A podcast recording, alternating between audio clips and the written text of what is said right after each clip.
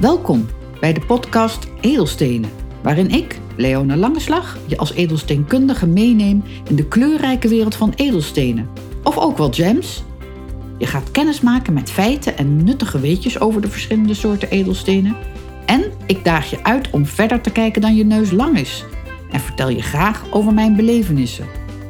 Ook geef ik tips en tools die je kan gebruiken om instinkers of zelfs dure miskopen te voorkomen. Vertrouwen is goed, maar meten is weten. Leuk dat je luistert.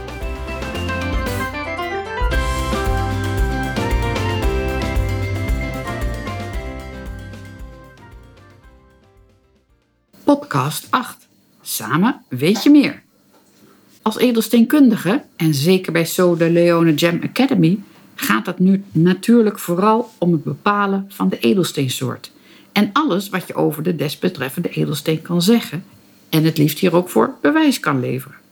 Maar als je klant vervolgens een edelsteen of sieraad met edelsteen wil verzekeren, verkopen, of als je misschien iets geërfd hebt, wil je ook graag weten wat de waarde daarvan is.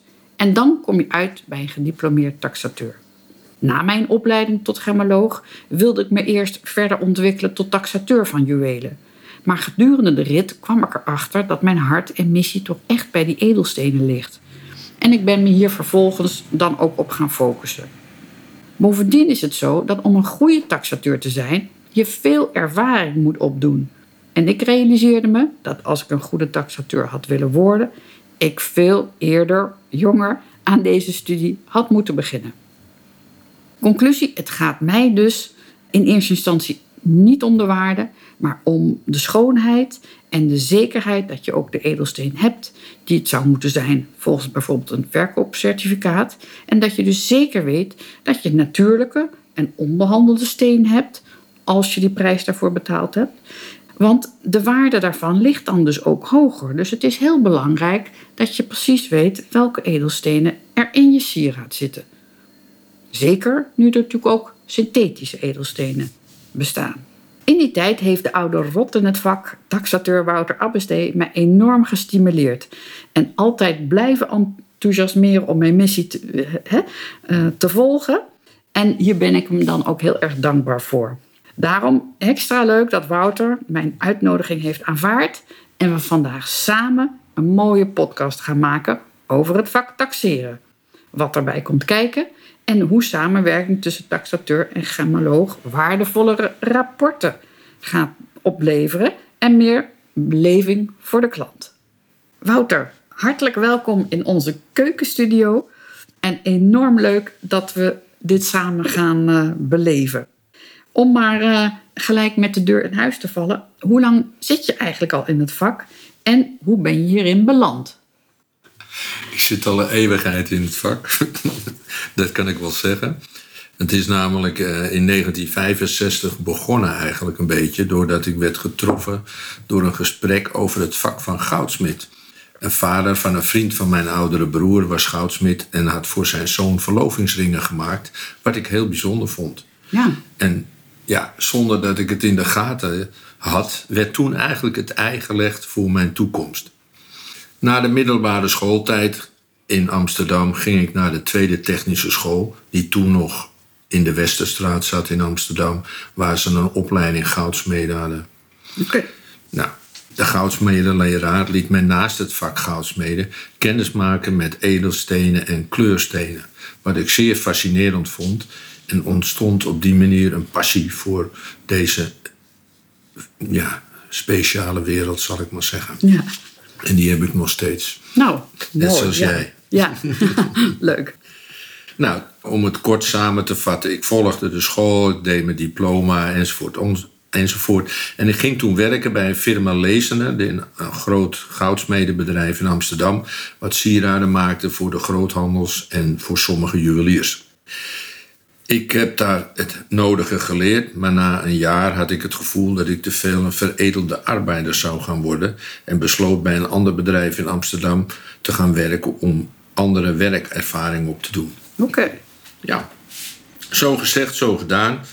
Via een schoolvriend kwam ik bij een firma die slavenarmbanden maakte, maar ontdekte ook weer na korte tijd dat het het niet zou gaan worden. Oké.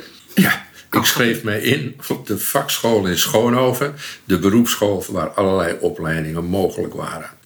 Hier begon ik in de tweede klas en het was inmiddels al oktober geworden, maar dat was geen bezwaar, omdat ik werkervaring en voldoende theoretische kennis bezat. Hm, mooi. Ja, dat was een gelukje. Ja. Het ging prima en hier werd mijn interesse in edelstenen wederom geactiveerd en het heeft geresulteerd dat tijdens de schooljaren een specialist, een, het een specialisme van me werd en nog steeds tot een van mijn grote hobby's behoort. Nou, super. In de tijd dat ik op school zat, werden er ook s'avonds lessen gegeven.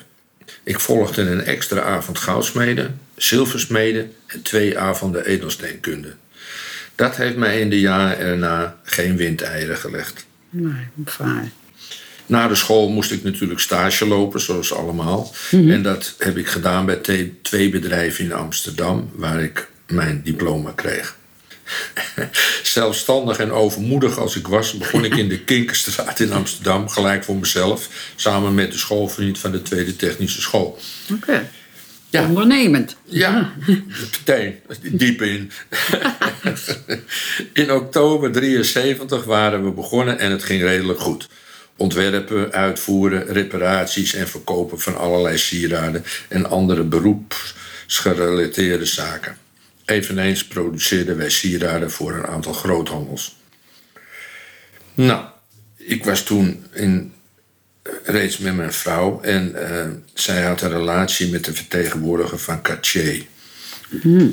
Cartier was toen nog maar kort begonnen in Nederland om een dealernet op te zetten. Een juwelier van de Vet op het Koningsplein in Amsterdam destijds was alleen vertegenwoordiger voor het merk en had daarvoor een speciale boutique ingericht. Ja, dat was een mooie zaak. Kan ik me als kind ook nog herinneren dat ik daar wel eens met mijn ouders was. Ja, ja leuk hè? Daar op de gracht. Ja.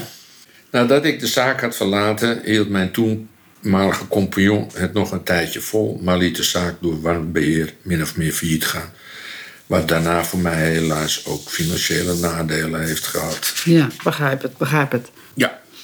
Ik heb toen zelfstandig gewerkt en in februari 77 begon ik weer in loondienst als goudsmid in het atelier van juwelier Littels in Amsterdam.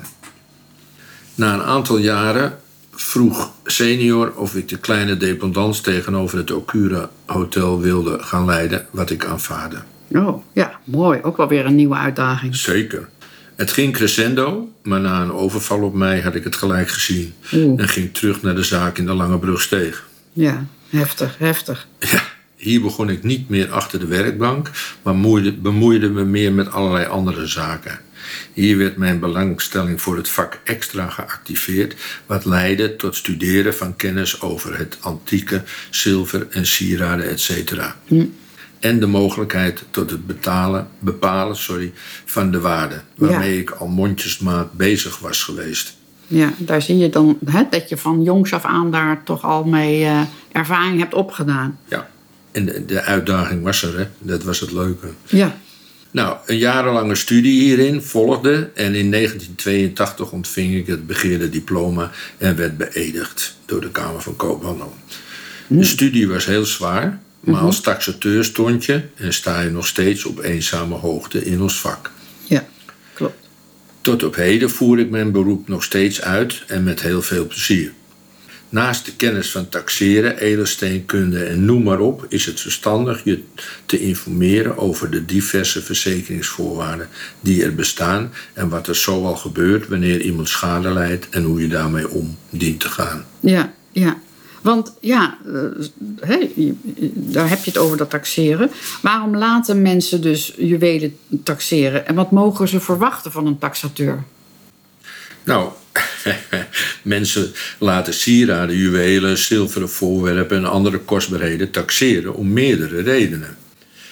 Men wil graag weten wat iets waard is om zekerheid te hebben en wat iets is en waar men staat. Ja, Van een deskundig taxateur, waarvan er in Nederland redelijk weinig zijn, mag men verwachten dat hij gedegen vakkennis heeft en de ontwikkelingen in zijn vak bijhoudt. Er zijn een paar belangrijke items die in de praktijk regelmatig voorkomen ja, in de verzekeringswereld. ja. En ik denk ook met alle ontwikkelingen, zeker op het gebied van edelstenen, hè, behandeld, synthetisch, ja, moet je blijven leren. Speelt allemaal mee, Ja. absoluut. Verzekeringswaarde is belangrijk als een rapport moet worden overlegd voor het afsluiten van een kostbaarhedenpolis. Die dekt bijvoorbeeld verlies, diefstal enzovoort. De getaxeerde waarden zijn vastgelegd en niet onderhevig aan veranderingen tijdens een meestal driejarige polis. Oké, oké. Interessante informatie voor iedereen. Ja. Dan is er de onderlinge verdeling, is ook belangrijk. De bedragen zijn aanzienlijk minder dan die van de vervangings- of verzekeringswaarde, Ja. aangezien het tussen partijen in redelijkheid en billijkheid moet worden verdeeld. Ja. Dan hebben we nog een andere belangrijke, de successiewaarde, of CQ de erfbelasting, waar Ja, over ja. betaald moet worden. Dat is belangrijk dat de erfgenamen zo laag mogelijk de zaken getaxeerd krijgen om eh, de fiscus niet al te veel te spekken. Nee, inderdaad. En dat, dat is ook zo. Want ja, nou ja, je, hè, je, je zou ook een probleem hebben op het moment dat je mooie sieraden krijgt en daar zoveel erfbelasting over moet betalen dat je eerst een sieraad moet verkopen. Dat is dan eigenlijk toch niet het idee van iets erven. Hè? Nee, Oké, absoluut. Oké. En welke aspecten bepalen eigenlijk de prijs van een juweel? Ja, dat hangt van een aantal zaken af. En de belangrijkste aspecten van het zijn dat je weet, als juwelen met edelstenen zijn gezet, dat je weet om welke stenen het zijn. En je moet ze kunnen beoordelen op echtheid, Ja, ja, kwaliteit, zeldzaamheid enzovoort. ja. Edelsteenkunde is ontzettend belangrijk om fouten in de beoordeling te voorkomen. ja. De Ik ben blij dat je dat noemt. De verschillen in waarde tussen echte en synthetische stenen is enorm. Ja, Evenals het verschil tussen behandelde en onbehandelde stenen. ook dat. Ja. Vrijwel de meeste edelstenen worden op allerlei manieren verbeterd om de prijs te kunnen verhogen. Dit wordt al honderden jaren gedaan en is altijd een beetje schimmige wereld. Ja, ja, terwijl ja, het eigenlijk naar mijn idee juist ook leuker maakt als je weet waarmee het behandeld is, waardoor het uiteindelijk mooier is geworden. En daar, daar hè, heb je eigenlijk een mooier verhaal bij de stenen. En kan je mensen ook uitleggen dat daarmee de prijs anders is. Ja. Maar ga verder. Maar het, het is soms heel moeilijk om mensen eh, zeg maar aan hun verstand te brengen dat synthetisch helemaal niet negatief is, maar Nee. gewoon een goedkopere uitvoering van het origineel. Ja. En dat daardoor eh, beter bereikbaar is voor heel veel mensen. Precies, precies. Dan kan je dus ook toch nog iets moois. eh, Ja. hè? Zonder dat het Ja. al te veel kost. Ja. Maar goed, in de sieradenwereld wemelt het van de syntheses en allerlei falsificaties. Edelsteenkunde is een zware studie wat vele jaren kost om gediplomeerd te raken. Wat betreft het vak edelsteenkunde is er in de juweliers- en kunstwereld nogal eens sprake van wat weinig interesse in de materie en wordt het een beetje als bijvak gezien. Ja, waar ik natuurlijk heel hard voor strijd. Want naar mijn idee maken die kleurstenen het sieraad juist heel speciaal. Dus daar zou meer aandacht voor moeten zijn. Exact. Maar goed, ik, eh, ik weet waarvoor ik strijden moet. Ik ben het helemaal met je eens. De belangrijke edelstenen zoals diamant, robijn, saffier en smaragd krijgen wel de nodige aandacht. Maar er zijn minder bekende stenen die veel zeldzamer zijn dan genoemde en soms ook veel duurder per karaat. Ja, ja, klopt. Echte Alexandriet is zo'n voorbeeld. Ja, Het is zeker belangrijk om dure stenen te laten certificeren door een gerenommeerd instituut. Ja. Zoals bijvoorbeeld de Hoge Raad in Antwerpen of de GIA, het SSEF in Zwitserland of in Nederland bij het NEL, het Nederlands Edelsteen Laboratorium. ja, helemaal correct. Want als ik het uiteindelijk niet weet of mensen niet verder kan helpen... en ik zelf met mijn kennis die ik heb ook zeker aanvoel dat het een duur sieraad is... zal dat mijn advies uiteindelijk altijd zijn. Ja, ja, Ja, dat, Dus, het is eh, ook in het belang van de consument ja zeker. dat er geen discussie ontstaat over de steen. Nee. Eh, hoe, hoe heb jij het vak eigenlijk zien veranderen in je loopbaan? En hoe kijk je ernaar voor de toekomst? Ja, het vak verandert ja, maar ook weer nee. Het, het, het klinkt gek, maar er zijn altijd veranderingen die er plaatsvinden, maar er zijn ook heel veel dingen die hetzelfde blijven. Al zou je dat soms niet zeggen, maar het is wel zo. Het aantal juweliers en groothandels neemt al jaren af. Maar er zijn wel steeds meer kleine zelfstandigen die een eigen goudsmedeatelier hebben en rechtstreeks aan de consument of aan sommige groothandels leveren. Ja, en ik merk zelf ook dat daar meer belangstelling voor edelsteenkennis is. Want ja, en zij werken met de steen en zij gaan het ook verkopen. Dus hoe leuk is het niet dat zij meer over die steen weten? Ja, ja, ja. Ja. Gelukkig is dit een trend tegen de enorme hoeveelheid massa goed in, Ja, ja. wat jaarlijks over de wereld wordt uitgestrooid. Het vakmanschap en handwerk staat daardoor enorm onder druk en de kennis verwatert en verdwijnt helaas geleidelijk aan. ja. Hoewel er de laatste jaren wel meer waardering begint te komen voor het vakmanschap van degene die de sieraden maken en ontwerpen.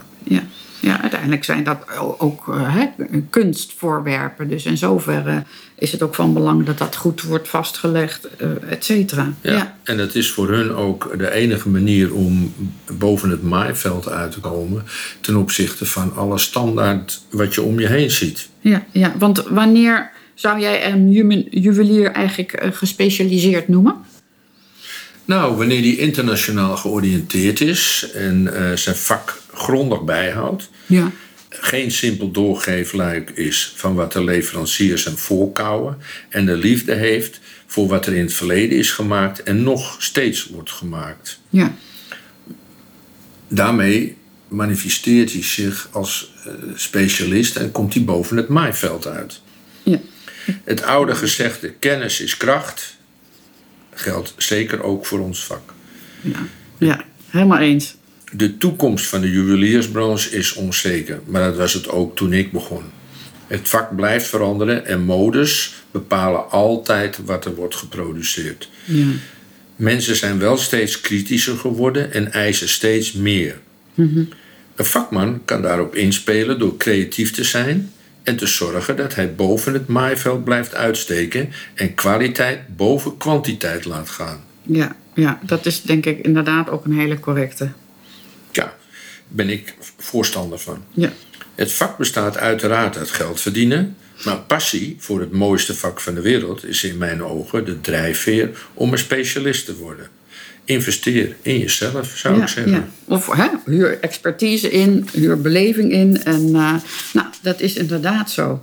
En eh, ben je het met me eens dat de edelsteen eigenlijk te weinig aandacht krijgt bij de jonge taxateurs? Of Nou, de, degene die de taxaties volgen zoals ik dat gedaan heb, die moeten in feite edelsteenkunde hebben als ondergrond. En het liefst ook diamantkunde. Want anders kunnen ze in feite de cursus niet eens volgen. Want tijdens de cursus krijg je al te maken met voorwerpen die je moet beoordelen. En dan moet je toch weten welke steen je in vredesnaam in je handen krijgt in de vorm van een sieraad. Ja. En als je daar al struikelt, dan loopt het dood. Dan kan je die cursus maar beter niet gaan volgen. Nee, nee, nee nou goed, dat, dat ben ik blij te horen. Want dan, eh, ja, als ik daar een steentje kan bijdragen, ook hè, bij mijn praktijklessen, waar dat nodig is, Absoluut. dan eh, vind ik dat alleen maar een goede. En komt het uiteindelijk het vak, maar ook de consument ten goede. En daar Ja. gaan we natuurlijk allemaal voor. Ja, precies. En wat ik, wat ik wel jammer vind, op de vakschool leren ze dus edelsteenkunde, maar vaak dat na, als ze van school afgaan, dat het allemaal een beetje doodbloedt en eh, een beetje eh, ondergeschikt raakt. Terwijl als jij mooie sieraden verkoopt met edelstenen, is het fantastisch als je over die edelstenen wat kan vertellen. Ja, ja. Dat, dat geeft klantenbinding. Ja, zeker, zeker. Dat is wat ik promoot. En ja, de consument weet misschien wel weinig. Maar op het moment dat we de consument ook wat meer leren... is het ook leuker voor de juwelier goudsmit om daarover te vertellen. En ja, zo, moet, hè, zo eh, Ja. zijn we daar denk ik goed mee bezig. En ben ik met je eens op het moment dat je je diploma eh, gehaald hebt voor edelsteen- edelsteenkunde... maar vervolgens nooit meer een refractometer of maar een apparaat gebruikt, ja, dan, dan verlies je dat ook. En daarom bied ik nu juist die oplossing dat ze bij mij kunnen komen. En zodat ik hun kennis up-to-date kan houden. Of ze juist helpen met determineren. Zodat ze de klant echt correct en juist kunnen informeren. En ja, ook natuurlijk die enorme aantal behandelingen die tegenwoordig bestaan en het aantal syntheses. Ik begrijp ook wel dat ze dat allemaal niet kunnen bijhouden. Dus ja, fijn als ik daar wat hulp kan bieden. Wat wens je het vak eh, taxateur toe voor de toekomst? Veel wijsheid. Plezier. en genieten van de mooie dingen die je in je handen krijgt. Want zelfs de eenvoudige dingen kunnen heel mooi zijn. En uh, of het nou een sieraad is wat speciaal ontworpen is, of een steen die op een speciale manier geslepen is. Het gaat erom dat je kan genieten wat je in je handen krijgt en wat je naar de, voor, aan de consument kan vertellen over het een of over het ander. Dat is wel wat het vak interessant houdt. Ja, nou. En ik hoop dat de edelsteenkundigen die daar ook mee bezig zijn, dit net zoals jij verantwoorden naar de consument. Nou, uh, we zijn het helemaal eens en hartstikke leuk en fijn dat je de tijd wilde nemen om uh, dit samen met mij te beleven. Ik vond het een uh, ja, gezellig en leuk, maar ik denk ook interessante podcast geworden. Heel veel dank daarvoor. En graag tot de volgende keer, zeg ik dan weer. En jij ook bedankt voor dit gesprek. Ik vond het gezellig. Leuk, goed zo.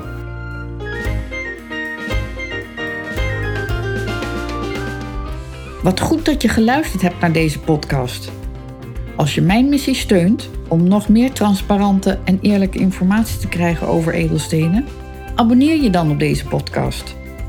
Wil je nu direct meer weten? Download dan mijn gratis e-book over 12 geboortestenen via de show notes.